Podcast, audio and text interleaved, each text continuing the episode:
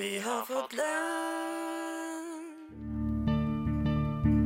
inn i dette, for det et hovedspørsmålet det hadde vært siden eh, Noam Chomsky etablerte den greina av lingvistikken som, som jeg befinner meg i. Vi håper jo på bredest mulig oppslutning om SV, og jeg tror at det eneste som kan få norsk løsner båndene mellom staten og kirka, og forhåpentligvis fører til tettere bånd mellom kirka og folk. Så hadde de gjort som andre fjøringsbevegelser i verden, hadde de helt legitimt kanskje tatt i våpen. Og, så direkte skildring av menneskeskjebner tror jeg ikke vi har sett eh, i noen annen nyhetsdekning av noen annen terroraksjon. Det er såpass store forskjeller mellom den kalde krigen, hvor det var to supermakter som sto mot hverandre, eh, og den situasjonen vi har i dag. Du hører på samfunns- og aktualitetsmagasinet Opplysningen 99,3 på Radio Nova. Opplysningen 99,3 på Radio Nova. Forrige fredag vant organisasjonen ICAN fredsprisen. Men vet du egentlig hvem de er? En representant fra ICAN kommer hit i studio for å gjøre oss kjent med organisasjonen. Gutter mobber, og de gjør det mer synlig og fysisk med slag og spark. Nei, sier Ingunn Eriksen, forsker ved NOVA ved Høgskolen i Oslo og Akershus. Vi knuser myter om guttemobbing i dagens sending. Og vi skal høre at det er kritisk for mange unge afghanske asylsøkere som fyller 18 år denne høsten. De må nå forberede seg på å forlate landet. En feriestasjon har en innvirkning på den enkelte nordmanns selvfølelse og identitet. De sliter, og de har ikke råd til å betale eh, markedspriser for, for gassen. Akkurat nå hører du på Radio Novas samfunns- og aktualitetsmagasin, Opplysningen 99,3. Hei og velkommen til Opplysningen 99,3 fredag 13. oktober. Vi er altså Radio Novas samfunns- og aktualitetsmagasin. Vi gir deg dyptpløyende analyser, reflekterte debatter og engasjerende samfunnsforskning. Alt i opplysningens ånd. Og om en time så er du kanskje ørlite mer opplyst. Mitt navn er Kristine Brastad Dammen. I forrige fredags sending så annonserte vi at årets fredsprisvinner ble organisasjonen ICAN, som er en forkortelse for International Campaign to Abolish Nuclear Weapons. Den norske Nobelkomité uttaler i sin begrunnelse eh, at ICAN vant prisen for sitt arbeid med å påpeke de katastrofale eh, humanitære konsekvensene av enhver bruk av atomvåpen, og for sin banebrytende innsats for å få til et traktatfestet forbud mot slike våpen. I denne sendingen så skal vi lære mer om årets fredsprisvinner. Sigrid Heiberg, du eh, har tidligere jobbet for ICAN Norge. Velkommen. Tusen takk for det. Helt konkret, hvem er ICAN? ICAN er en eh, global eh, kampanje, så det vil si en paraplyorganisasjon for veldig mange organisasjoner over hele verden som jobber for et atomvåpenforbud og for å avskaffe alle atomvåpen.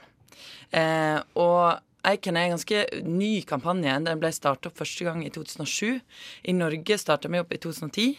Eh, og så har en da jobba målretta eh, internasjonalt og i alle land for å påvirke myndigheter, politikere og opinionen for å presse fram et atomvåpenforbud med sikte da på å oppnå full eh, nedrusting av atomvåpen på sikt. Kan du si noe om hvordan dere går fram for å oppnå et atomforbud?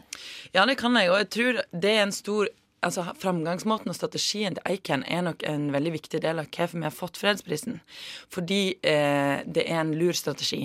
Eh, og den går ut på at eh, Eller det banebrytende med ICAN det er at i stedet for å vente på at stormaktene sjøl skal finne ut at de på et eller annet tidspunkt har lyst til å ruste ned, så går, gikk Eiken inn for en strategi som, som, er å samle alle landene i verden som ikke har atomvåpen, på å si at nok er nok. Det store flertallet ønsker ikke å ha masseødeleggelsesvåpen og truer med total utslettelse. Og da må vi gå foran og sette et eksempel og presse fram eh, normer, regler, eh, forbud mot atomvåpen. Så det en da har gjort, det, eh, sånn som vi har drevet i Norge, Eiken Norge f.eks., det er da å eh, drive eh, folkeopplysning, grasrotmobilisering. Eh, det er å eh, jobbe med påvirkningsarbeid opp mot myndighetene, mot eh, Utenriksdepartementet, mot diploma, diplomatiet og mot de folkevalgte i Stortinget. Så, jobber, så vi jobber langs flere spor. altså Vi driver på en måte aktivisme, demonstrasjoner, men vi driver òg med liksom, ekspertarbeid og har utvikla f.eks da eh, Vi har jo i mange år jobba med det her eh, forslaget vårt om å forby atomvåpen gjennom eh, folkeretten, eller på en eller annen måte internasjonalt. Så da har, har vi hele tiden jobba veldig tett sammen med de fremste ekspertene i verden på å utvikle eh, den type eh, lovverk, da, eller forslag til måte å gjøre ting på. Mm. Så vi jobber langs veldig mange forskjellige spor, kan du si. Ja. Er det noen internasjonale på en måte, prosjekter som du tror kan ha vært avgjørende for at dere fikk fredsprisen? Altså, jeg tror eh, det prosjektet var jo det som nå har blitt til eh, traktaten som ble vedtatt i FN i sommer. Mm. Så det er nok, du kan gjerne fortelle litt. Ja. Så, så, du kan si at eh, Eiken har jobba i flere år med å eh, overbevise land om at nå må en forby atomvåpen internasjonalt. Eh, og så, eh, altså bare for to år siden så begynte en da å snakke om da den eh, vi jobber veldig mye i FN eh, og i de internasjonale nedrustningsfora og ikke med ikkespredningsavtalen, med eh, Conference on, on, Disarmament, som er på en måte en fast eh, struktur i, i i FN-systemet og sånn. Og så fikk en da på plass en arbeidsgruppe i FN som skulle utrede mulighetene og se på hvordan en kunne gjøre ting. Og de kom fram til da at eh, en måte å gjøre det på, er å vedta et, et, forbud gjennom FN. Mm. Og så begynte en i fjor, og dette er jo noe jeg kan hele tiden har jobba veldig tett med. Vært til stede i alle forhandlinger, pressa, lobba statene. Jobba veldig tett med diplomatene. Eh, og så eh, i løpet av da fjoråret så fikk en eh, framforhandla et forbud, et internasjonalt forbud i FN, som ble vedtatt 7.7 i New York i sommer, med 122 land som da stemte for mm. eh, en eh, FN-traktat. Um, ja. Og da skal vi komme litt inn på hvordan Norge har forholdt seg til denne, denne avtalen. Fordi eh, tildelingen av årets fredspris har jo vært litt eh, kontroversiell. Den har møtt litt kritikk. Uh, og utenriksminister Børge Brende han har bl.a. uttalt til TV 2, uh, og jeg har et sitat her, statsministeren og jeg har gratulert ICAN, men vi kan ikke støtte et forbud i FN mot atomvåpen når ingen av de andre landene som har atomvåpen, er med. Så lenge de landene eh, har atomvåpen, så må Nato ha det. Og Norge er med i Nato. Sitat mm. slutt. Mm. Mm. Hva, hva, tenker du om det? Jeg tenker at det er utrolig trist og skuffende at Børge Brende har latt seg presse av USA og andre atomvåpenstater eh, til å si disse tingene, til å føre den politikken. Eh, fordi Børge Brende vet veldig veldig godt, bedre enn jeg vet for han har vært, altså han har vært generalsekretær i Norges Røde Kors. Han har jobba veldig tett med de samme organisasjonene som jeg har jobba med. Han i sin tid som generalsekretær i Røde Kors så signerte jo han brev til daværende regjering i Norge og ba dem om å starte eh, kampen for et atomvåpenforbud og hele det arbeidet. Så, så Børge Brende veit veldig godt hvor god denne strategien er, hvor viktig atomvåpenforbudet er, og at det er fullt mulig for Norge som Nato-land å støtte opp eh, om denne prosessen, og om det atomvåpenforbudet som nå har blitt vedtatt i FN. Mm. Men, men det som er veldig klart, det er jo at de at eh, motstanden har blitt veldig tydelig nå, når en faktisk har Etter at den forhandlingsprosessen starta opp, og etter at forbudet ble vedtatt, så er det klart at land som USA, eh, Russland, land som har eh, atomvåpen og ønsker å beholde dem, de er ikke interessert i at land som Norge skal gå inn i et atom... At de vil jo ikke at noen skal gjøre det, og det har de vært, veldig tydelige på. De har boikotta prosessen. De har eh, altså Ved den første forhandlingsrunden eh, i New York i fjor vår, så møtte jo USA opp sammen med ganske mange andre land som de hadde mer eller mindre pressa til å møte opp til å demonstrere mot da eh, bilaterale forhandlingene i FN om nedrusting. Og Der var heldigvis ikke Norge med. Såpass eh, vett hadde en til å holde seg vekke fra den motdemonstrasjonen som det var. Men, eh, men Poenget er at eh, regjeringa, og særlig Børge Brende, vet veldig godt at dette er noe som Norge burde vært med på. Og det er òg første gang i historien at Norge ikke engang har deltatt i ne- nedrustningsforhandlinger i FN-regi. Men det er jo ingen av de landene som er med i Nato, som har verken deltatt i forhandlingene eller signert avtalen i FN. Ja, Det stemmer nesten. Altså, Nato-landet Nederland deltok i forhandlingene i FN hele, hele prosessen, men endte da til slutt som eneste land med å stemme mot eh, traktaten når den ble vedtatt i sommer. Um, og vi mener jo at Norge burde Altså, Norge har jo trad tradisjonelt vært nettopp et land som har turt å utfordre litt og gå litt foran eh, når det gjelder nedrustningsprosesser. Vi så det på i mange av de tidligere klasse, når vi har fått internasjonale forbud mot klasevåpen og, og, og sånn, så har Norge eh, gått foran og vært et veldig sånn banebrytende land. Og vi mener jo at Norge burde ha vært støtta prosessen hele veien, burde vært med i eh, forhandlingene. Og så forstår vi, og jeg forstår det veldig godt, at det er ikke, det er ikke så lett for Norge, som da kanskje eneste Nato-land, å være det første som sier vi vil faktisk gå For inn hva i det. hadde skjedd da, hvis hypotetisk sett Norge hadde signert denne avtalen i FN? Hva hadde det innebært? Det hadde innebært at da måtte Norge på en måte sagt eh, Hvis et Nato-land eh, underskriver, eller eh, hva som helst slags land skal underskrive denne avtalen, så må en da gå med på eh, innenfor en viss tidsperiode og enten hvis en har atomvåpen, og kvitter seg med dem, sine egne, eller Norge, da, som ikke har egne atomvåpen, må da på en måte si fra, si fra seg retten til å bli eh, beskytta eh, av atomvåpen. Så vi trenger ikke gå ut av Nato eller noe sånt, men det, det innebærer at vi sier på en måte klart og tydelig at eh, hvis noe skulle skje, eh, så vil vi aldri eh, bruke eller bli beskytta av masseødeleggelsesvåpen, atomvåpen. Så, sånn at, eh, og så ville nok en del av våre samarbeidspartnere i Nato blitt litt sure på oss. Det tror jeg. Og, og, og det forstår jeg òg at, at Børge Brende og regjeringa syns er ubehagelig. Men det er ingenting eh, altså, juridisk i veien for at Norge kunne ha eh, signert atomvåpenforbudet sånn som det foreligger nå. Ok, Men for å ta et skritt tilbake, eller fram eventuelt, hva betyr det for ICAN å vinne fredsprisen? Jeg snakka litt med deg før sending, og da snakka du om at mm, store deler av organisasjonen ikke har penger. Mm. Eh, altså Det betyr jo veldig mye å vinne fredsprisen på veldig mange plan. Det viktigste er jo at det er en enorm anerkjennelse eh, til det arbeidet jeg kan ha gjort. Det, et- det, det slår veldig fast at atomvåpenforbudet, som ble vedtatt i FN, er en bra ting for verdensfreden. Det er banebrytende, og det skaper nytt håp for atomvåpennedrusting i verden.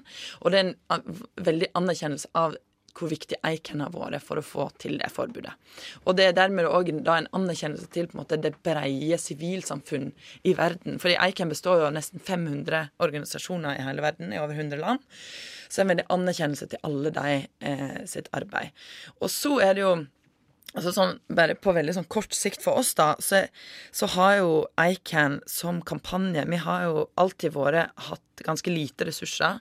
Vi har hatt et hovedsekretariat i Genéve med noen få ansatte. Vi har hatt ansatte her i Norge. Jeg og et par andre har jobba fulltid for ICAN Norge. Sånn, og så har vi liksom én ansatt i Australia og, og, og litt sånn. Men eh, etter at Norge, eh, norske regjeringa kutta all støtte til Eiken i 2015, så har jo vi i Norge f.eks. måttet legge ned kontoret. Alle ansatte måtte gå. Eh, og, eh, og vi har nesten ingen penger igjen internasjonalt til å drive arbeidet. Sånn at bare det, det at fredsprisen medfører noen eh, det, det følger litt penger med prisen i første omgang, som kan være med å redde noen jobber for vårt internasjonale sekretariat. Men håpet er jo at først og fremst at denne fredsprisen bringer med seg så mye oppmerksomhet rundt saken, og så mye anerkjennelse, at det vil liksom eh, føre til at arbeidet fremover vil eh, gå i riktig retning. da, At en vil klare å jobbe aktivt i ICAN for å overtale flere land til å bli med på, på forbudet, og at det faktisk vil føre til atomnedrustning. da. Denne fredsprisen hjelper til med det arbeidet. Ja, for helt til slutt, Hva tror du kommer til å skje med arbeidet mot forbud mot atomvåpen framover? Altså, nå har vi jo et vedtak internasjonalt, eh, eller et internasjonalt forbud mot atomvåpen. Og nå når 50 land har ratifisert det, som det heter først, nå, Vi har allerede fått mer enn 50 signaturer, så, så må landene da ratifisere det. Og da trer det i kraft. Da blir det for, internasjonal folkerett. Og så vil jo vi da jobbe de neste månedene og årene med å få flest mulig land til å ratifisere. Og på sikt så jeg er ikke i tvil om at òg Nato-land vil komme til å eh, signere og ratifisere forbudet. Og eh, til slutt da at det blir skapt så mye politisk press internasjonalt til at stormaktene godtar at atomvåpen er uakseptable. Nå må de sette seg ned sammen og faktisk forhandle om reell, verifiserbar nedrusting av sine atomvåpen. Tusen takk for at du kom i studio, Sigrid Heiberg, engasjert i og tidligere ansatt i ICAN Norge. Du lytter til Radio Nova.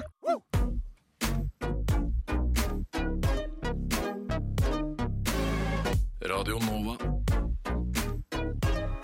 Studentradioen i Oslo. Radio Nova. Ja. ja. Hva? Nova? Ja. Og nå skal vi få et gjenhør med et intervju som Mia Langland Rørvik gjorde i våres, der hun møtte Ingunn Eriksen, forsker ved Høgskolen i Oslo og Akershus, for å snakke om mobbing blant gutter. Vi har, alle, vi har, i alle år hørt at jentemobbingen er den verste. Gutta ordner opp med slåssing og slag, en synlig type mobbing, mens jentene hersker over den indirekte mobbingen. Den som foregår mer i det skjulte. Et blikk som blir sendt over klasserommet, baksnakking, utfrysning og ryktespredning. Slik er den utspekulerte jentemobbingen som er nærmest umulig for voksne å avdekke. Gutta ordner opp der og da, men jenter er mer utspekulerte og bedriver en mobbing som kan ødelegge hele klassemiljøet. Men stemmer egentlig dette? Ukevis har dagens gjest tilbrakt bak en pult i norske fjerde til tiende klasser, og hun har funnet ut at denne beskrivelsen ikke stemmer særlig godt overens med virkeligheten. Velkommen i studio, Ingunn Eriksen, forsker ved NOVA, seksjon for ungdom, skole og ungdomskultur på Høgskolen i Oslo og Akershus. Tusen takk. Fortell litt om hvordan dere har gjennomført dette forskningsprosjektet. Det var jo jeg og kollegaen min Selma Lyng på AFI, Arbeidsforskningsinstituttet. Vi var og intervjua rundt omkring på 20 skoler som var veldig flinke med skolemiljø. Som gjorde det bra, og som jobba aktivt med å få bra miljø. Da snakka vi med de, en gruppe lærere, vi snakka med en gruppe av ledelsen, altså rektor og andre folk i ledelsen. Og på fire av de skolene så var vi eh, og satt i klasserommet i noen uker. Og der intervjua vi også elevene. Og dette her var jo da en del av et større forskningsprosjekt om skolers arbeid med elevenes psykososiale miljø, som du har jobbet lenge med. Kan du fortelle litt om det også? Det andre prosjektet dreide seg også om eh, skolemiljøprogrammer. Altså de, det er fire programmer som får penger fra staten, eller fikk. Og de, eh, de eh, utforska vi litt nærmere. Hvordan de gjorde ting, hvordan folk opplevde å jobbe med de, og hvordan de faktisk funka. Vi er jo så heldige at vi har fått vårt eget ungdomspanel her i Opplysningen, som hjelper oss med å liksom, ta tempen på ungdomskulturen. Og nå skal vi høre hva de tenker om hvordan gutter og jenter mobber. Fordi jentene er litt mer slemmere enn gutter. De snakker veldig mye mer dårlig enn det gutter gjør. Og jeg føler kanskje sånn at ord går mer inn på en person enn det gjør hvis det er fysisk, med mindre det skader deg sånn veldig. Men sånn, jenter har en tendens til å liksom slenge noen kommentarer som kanskje ikke er nødvendigvis vondt ment, men fortsatt personen kan oppleve veldig vondt, kanskje fordi du er usikker på noe eller noe sånt. Så kan hun påvirke mange av hennes venner over å ikke henge sammen med deg og utestenge deg litt mer.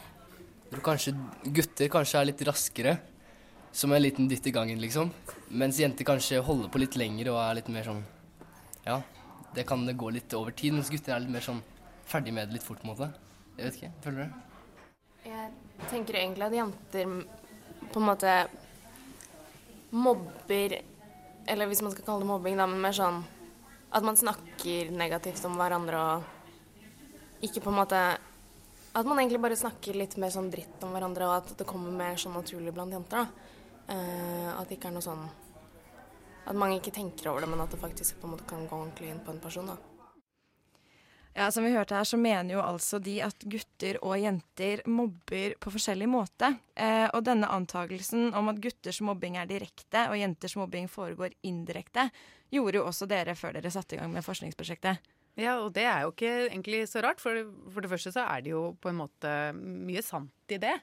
Og veldig mye av forskningen altså i, Fra gammelt av, når mobbeforskningen kom, så var det jo bare fokus på gutter i begynnelsen. Nesten. Og det var jo ikke så rart, for det var jo den som var synlig, på, og, som, som, du sa i begynnelsen.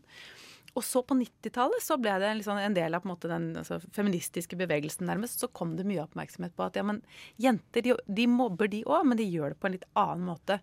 Og da kom det jo kjempemye oppmerksomhet på det. Veldig positivt òg, for da fikk vi tiltak. Vi fikk, eh, vi fikk filmer. Jeg vet ikke om, Har du sett den Mean Girls-filmen? Ja, en den har jeg sett. kultfilm, ikke sant? Som Ja. er bygd faktisk på en eller sånn, omtrent en forskningsbok da, som dreier seg om jentemobbing. Så, som starta et ras av fokus på det og tiltakene i skolen. Så det har vært veldig mye oppmerksomhet på jentemobbing, og at det har noen kjennetegn. F.eks. at det er skjult til en viss grad, eller i hvert fall skjult når det skjer. Og det dreier seg om type altså, utstøting og ryktespredning, altså negative rykter. da. Og, og snakke ned og baksnakk og liksom hersketeknikker og, Og sånne ikke så mye sånn rett på slåssing, Og ikke liksom. så mye rett på slåssing. Og ikke, og, eller rett på altså, skjelle ut folk eller altså, drittslenging. For det, det er jo det som Det er også altså, direkte mobbing er også ting man sier. Altså verbal eller fysisk, da. Så, så det har vært veldig delt oppmerksomhet på kjønn, og det er jo på mange måter sant. Og da vi gikk ut i disse skolene og snakka med alle disse folka, så var det jo det vi hørte. Men det, det som var litt rart, var at vi, vi spurte aldri lærerne eller ledelsen om kjønn på den måten. Men det var det som dukka opp denne historien hele tiden. Ikke sant? Dere omtaler jo det dere kaller relasjonelle krenkelser og mobbing i forskningsrapporten. Eh, Hva innebærer det? Ja, det er jo nettopp det. ikke sant? Det der med utestenging, eh, ryktespredning og baksnakking. Og, og sånne former som er, som er eh, både skjult, men det ordet relasjonell er jo litt misvisende. fordi man kan jo si at all mobbing er jo på en eller annen måte relasjonell. Men det er jo det det kalles i, i eh, Det kommer av, av begrepet relasjonell aggresjon. Eh, som man tenker på at er mer i, i nære relasjoner, da. enn, eh, ja. Hva fant dere ut av? Driver gutter også med relasjonell mobbing, selv om man kanskje ikke skulle tro det? Nei, altså det, det vi fant ut, var jo litt sånn fordi eh, altså det, det, er, det var en, en måte vi snakka med de elevene på som, som gjorde at det kom fram allikevel. Og også fordi vi var i klasserommene. Fordi jeg må bare si først at Når vi snakka med elevene om sånn som dere har snakka med de ungdommene vi hørte i panelet i stad, så snakka jo de om altså Når man får beskjed om å definere guttemobbing og jentemobbing, så er det jo det man hører. Men vi spurte også elevene om deres helt konkrete opplevelser og hvordan de hadde det i klassen. Og da fortalte jo guttene veldig mye om, om ting som vi sånn i ettertid tenkte på som ja, men i all verden, dette her er jo De fortalte om utestenging, de fortalte om ryktespredning, og de fortalte om alle disse tingene som jenter også opplever. Eh, men de forsto det ikke som mobbing. Eh, og de snakka ikke om det som mobbing, men de snakka allikevel om at de følte seg som ubetydelige, de følte seg som dritt. De opplevde seg Særlig gutter som tidligere har blitt mobba, ikke sant. Det at dere fant ut at gutter av og til ikke oppfatter at de selv blir mobbet, det var også ungdomspanelet eh, litt enig i. Da kan vi høre på det. Jo, for sånn Jeg tror vel det er først i tenårene at mobbingen blir litt likere. For jeg husker sånn på barneskolen og sånn, da, da var det ikke like mye sånn eh, drittslenging og sånn eh, blant gutter. Da var det mer bare sånn hvis du var uenig, så var det en liten slåsskamp, og så var du ferdig med det. Men jeg vil tro da i litt sånn senere årene, fra, fra kanskje sånn syvende eller noe sånt, Uh, og oppover der, så blir det litt likere mobbing, plaging, erting blant uh, jenter og gutter. Men jeg vil tro jenter begynner litt tidligere med den uh, Det å fryse ut og baksnakke og sånn enn det gutter gjør.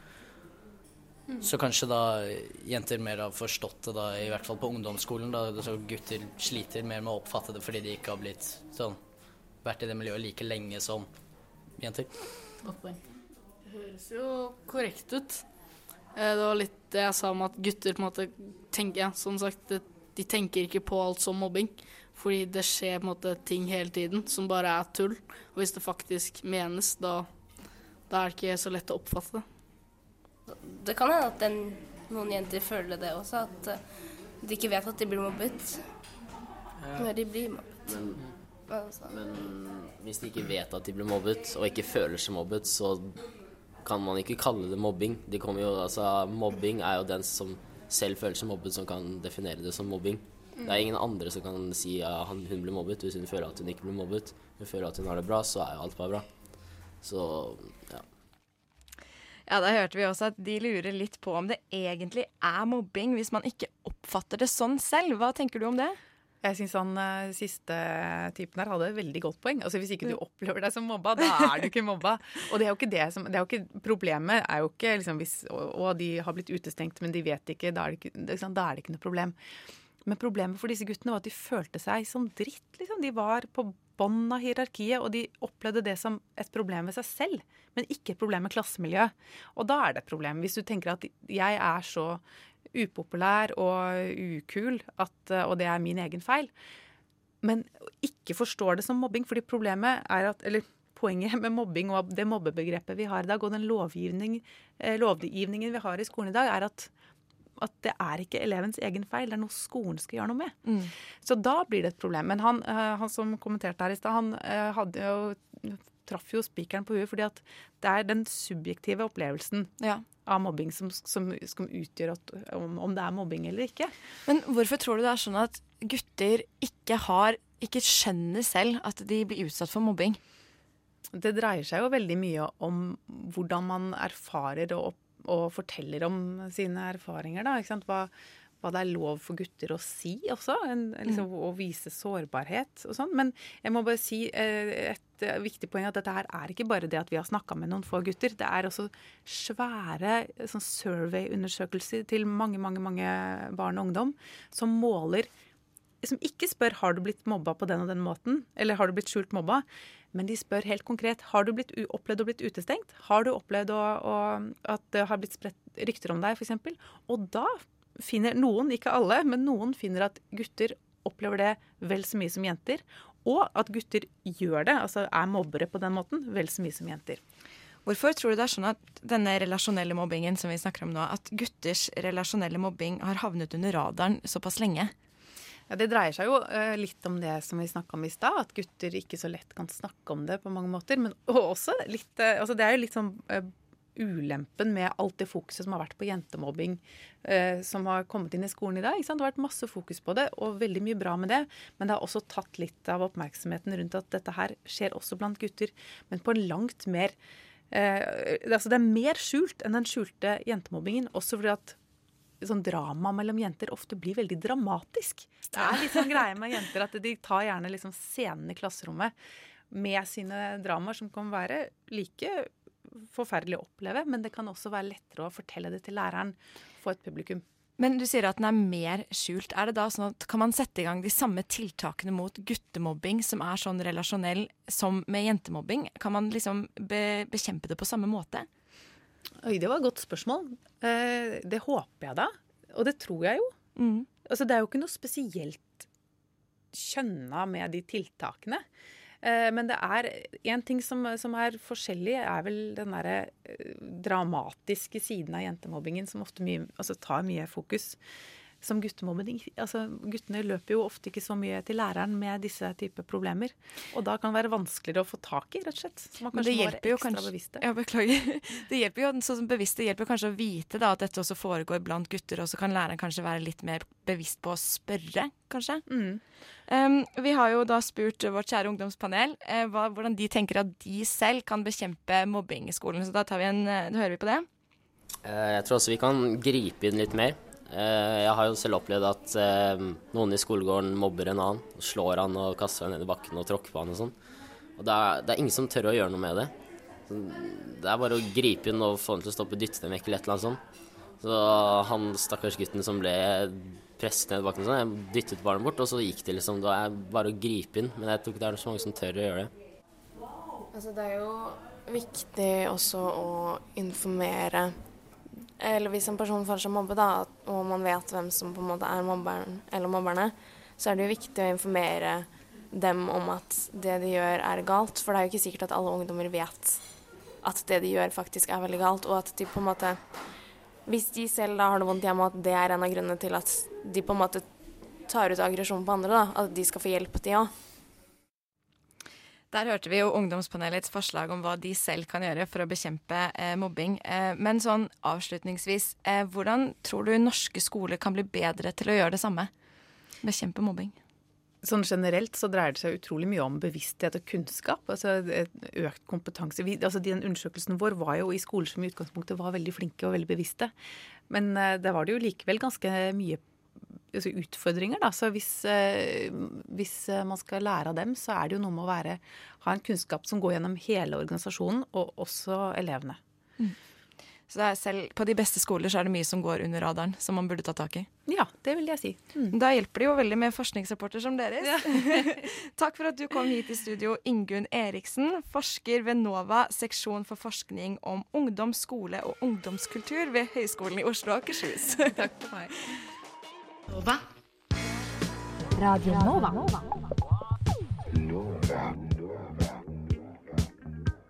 Du hører på Radio Nova. DAB, nettspiller og mobil. Denne høsten er tung for mange ungdommer eh, som bor i asylmottak. I løpet av oktober-november så fyller rundt 130 antall eh, enslige mindreårige asylsøkere 18 år. Og for de som har fått innvilget midlertidig opphold, så betyr det at denne Da nærmer datoen for utsendelse seg. På Utenriksdepartementets side for eh, reiseinformasjon om Afghanistan, som er, som er, et land som Norge returnerer mange flyktninger til, så heter det at sikkerhetssituasjonen i Afghanistan er svært utfordrende. Det skjer hyppige angrep, og det pågår sikkerhetsoperasjoner i størstedelen av Afghanistan. I tillegg er det mye alvorlig kriminalitet. Utenriksdepartementet fraråder reise til eller opphold i Afghanistan dersom det ikke er strengt nødvendig. Og likevel så anser altså norske myndigheter og UDI det både for trygt, eller i alle fall strengt nødvendig, å returnere flyktninger til Afghanistan. I studio så har vi deg, Ine Johannessen. Du er nestleder i vergeforeningen Følgesvennen. Velkommen. Tusen takk. Vil du snakke litt aller først om hvem Vergeforeningen er? Ja, det kan jeg gjøre. Jeg er altså nestleder i vergeforeningen Følgesvennen, og eh, som representerer verger og representanter over hele Norge. Det er en frivillig organisasjon, og det er frivillig å være med i vår organisasjon. Eh, vi jobber for å sette de mindreårige situasjonen på den politiske dagsordenen. Det er en svært krevende oppgave, fordi at i løpet av de to siste årene så har eh, rettssikkerheten til enslige mindreårige blitt sterkt svekket. Så, eh, sånn at dette blir stadig en, en, vanskeligere oppgave, og det er en altoppslukende oppgave for oss som jobber i styret i Vergeforeningen. Mm. Men akkurat den høsten her så er det jo spesielt prekært, fordi det er veldig mange som blir 18 år, og som da mister den oppholdstillatelsen som, de, som de fikk, eh, fram til de ble liksom ansett som myndige.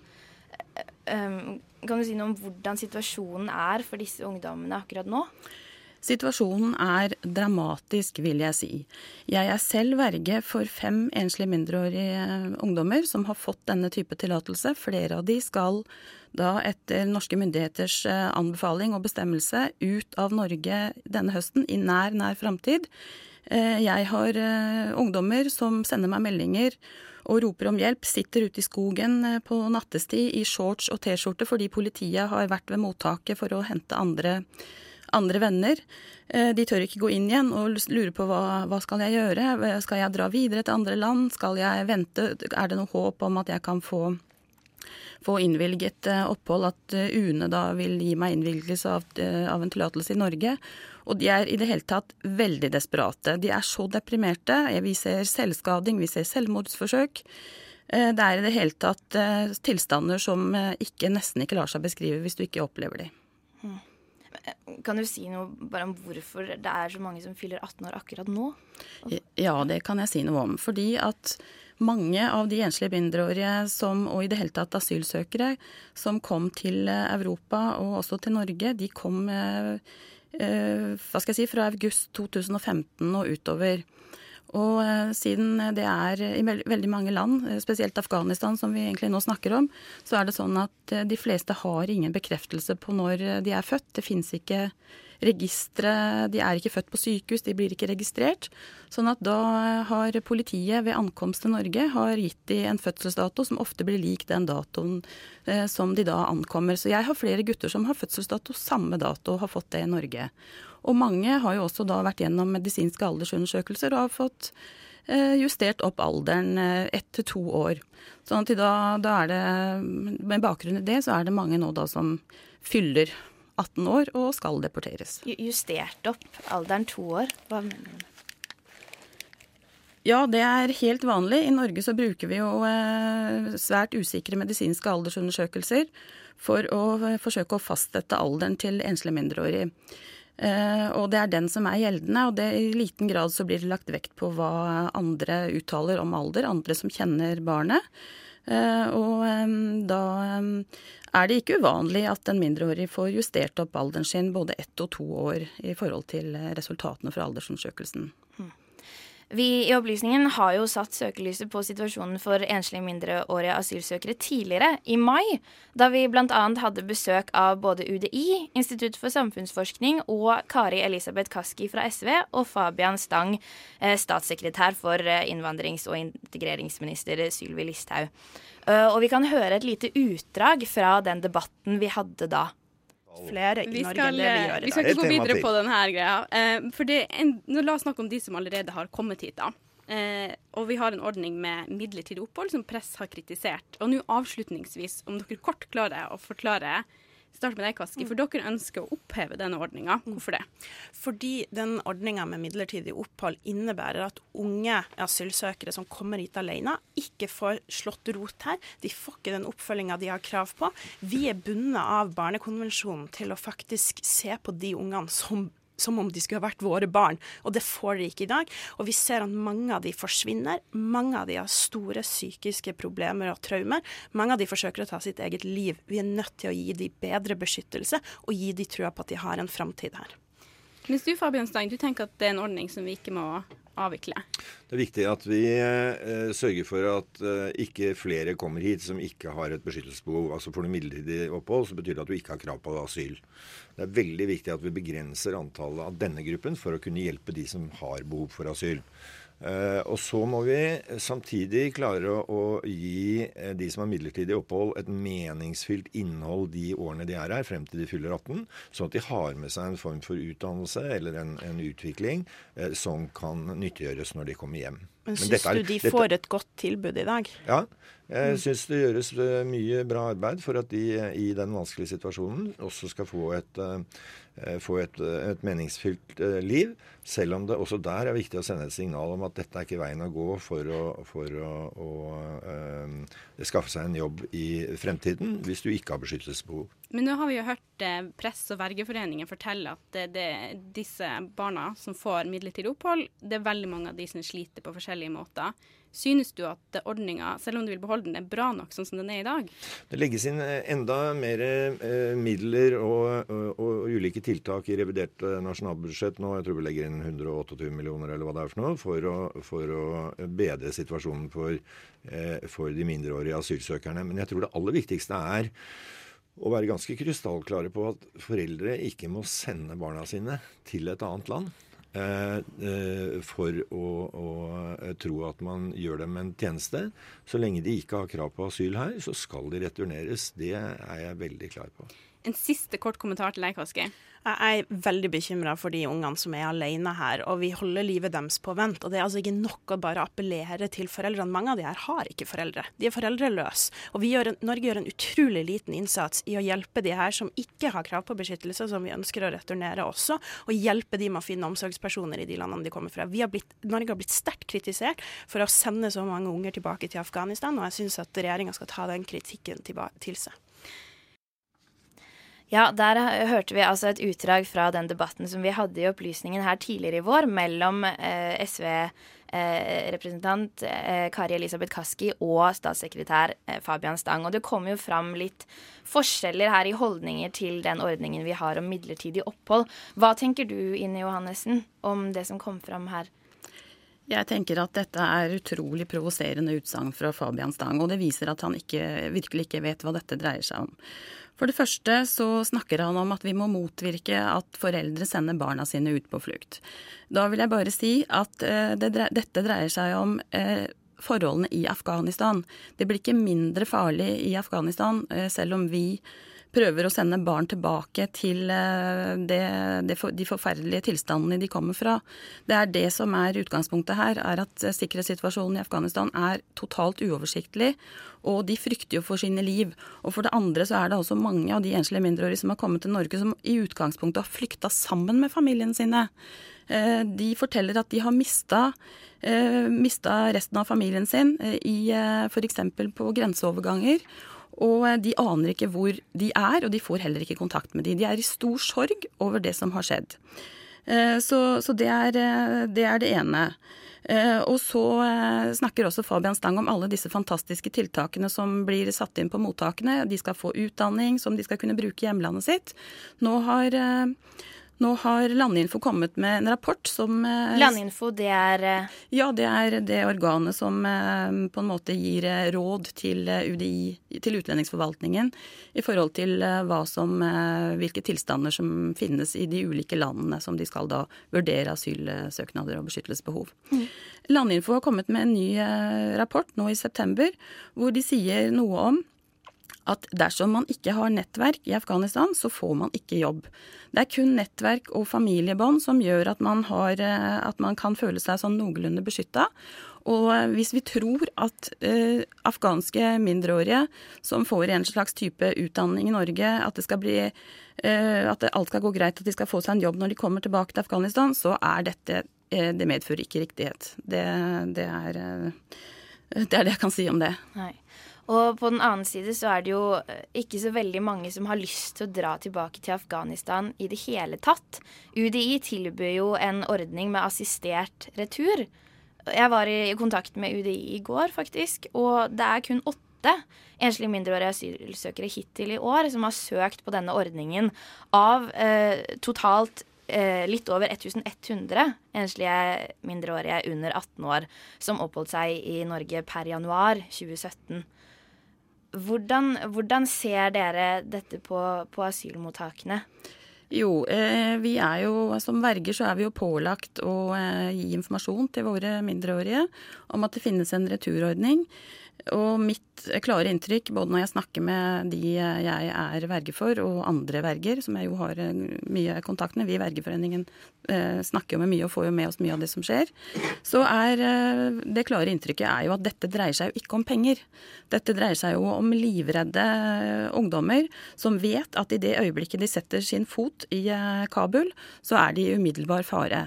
Der er det sånn at de vet jo ikke om de vil overleve hvis de går ut av eventuelt et sted hvor de skal bo. De vet jo ikke om de vil komme tilbake i, i god behold. Eh, og de eh, Problemet er jo også at, som jeg nevnte tidligere, at de, de har, mange av de har ikke lenger kontakt med familien sin. De kan, være, de kan være drept, de kan være internt fordrevne, de kan være andre steder i Europa. Og eh, det er helt utenkelig for de, med den sikkerhetssituasjonen som er så uoversiktlig og så farlig, at de skal kunne greie å etablere seg i Kabul. Dette er en, eh, en ønskedrøm, og det er, har ikke hold i eh, virkeligheten. Nei. Nå vi er jo litt ensidige i denne saken her, men det har jo med at altså UDI har blitt tilbudt å stille, men de hadde ikke lyst. Eh, Eh, eller mulighet til å stille. Det, skal, det, var på kort varsel, det skal sies. Men eh, du er jo her, representant for Følgesvennen og, og Vergeforeningen, og dere skal ha en markering eh, for å støtte opp om og skape oppmerksomhet rundt situasjonen til enslige mindreårige asylsøkere neste uke. Vil du fortelle litt om den? Ja, det kan jeg gjøre. Først og fremst så kan jeg si at over hele Norge nå så er det et stort raseri, en skuffelse og en fortvilelse, ikke bare hos enslige mindreårige, men også i den norske befolkningen. Det gjelder verger, det gjelder støttespillere, det gjelder lærere, det gjelder mottaksansatte, som er dypt, dypt fortvila over det de, det de ser av norske myndigheter, hvordan disse mindreårige blir behandla, og den tilstanden de er i. Og det er på en måte Det er mange som ønsker å gjøre noe. Og vi har da beslutta, sammen med noen andre organisasjoner, eh, andre bevegelser, at vi neste onsdag den 18. oktober klokka 18 eh, skal holde et, eh, fakkel, eh, et fakkeltog fra Oslo S, fra Tigerplassen. Eh, Vi skal gå til Stortinget. Her blir det appeller det er, eh, og eh, kunstneriske innslag.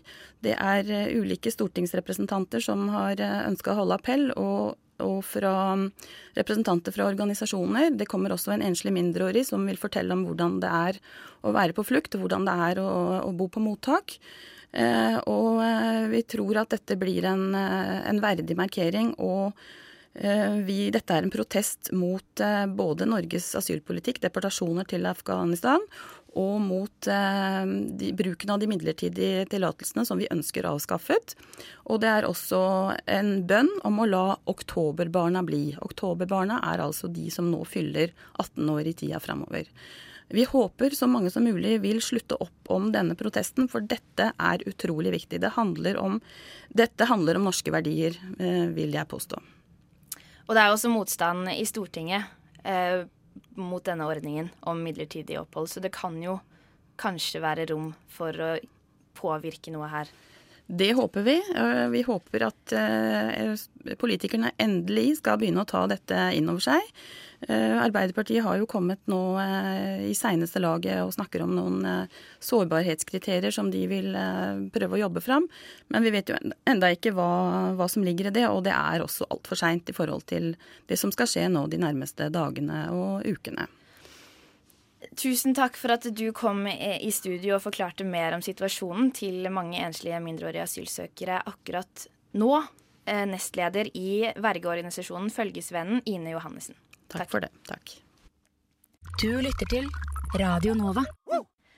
Og det var det vi hadde i ukas utgave av Opplysningen 99,3. Medvirkende til ukas sending det har vært Anna Lea Thorseth Poppe. Mia Langeland Rørvik, Hanne Kjærland Olsen og tekniker det har vært Simon Lima, som alltid. Og mitt navn er Kristine Brastedammen Du kan høre oss neste fredag eh, til samme tid, og du kan også laste oss ned som podkast. Og du finner oss på Facebook. Takk for i dag. Ha det bra.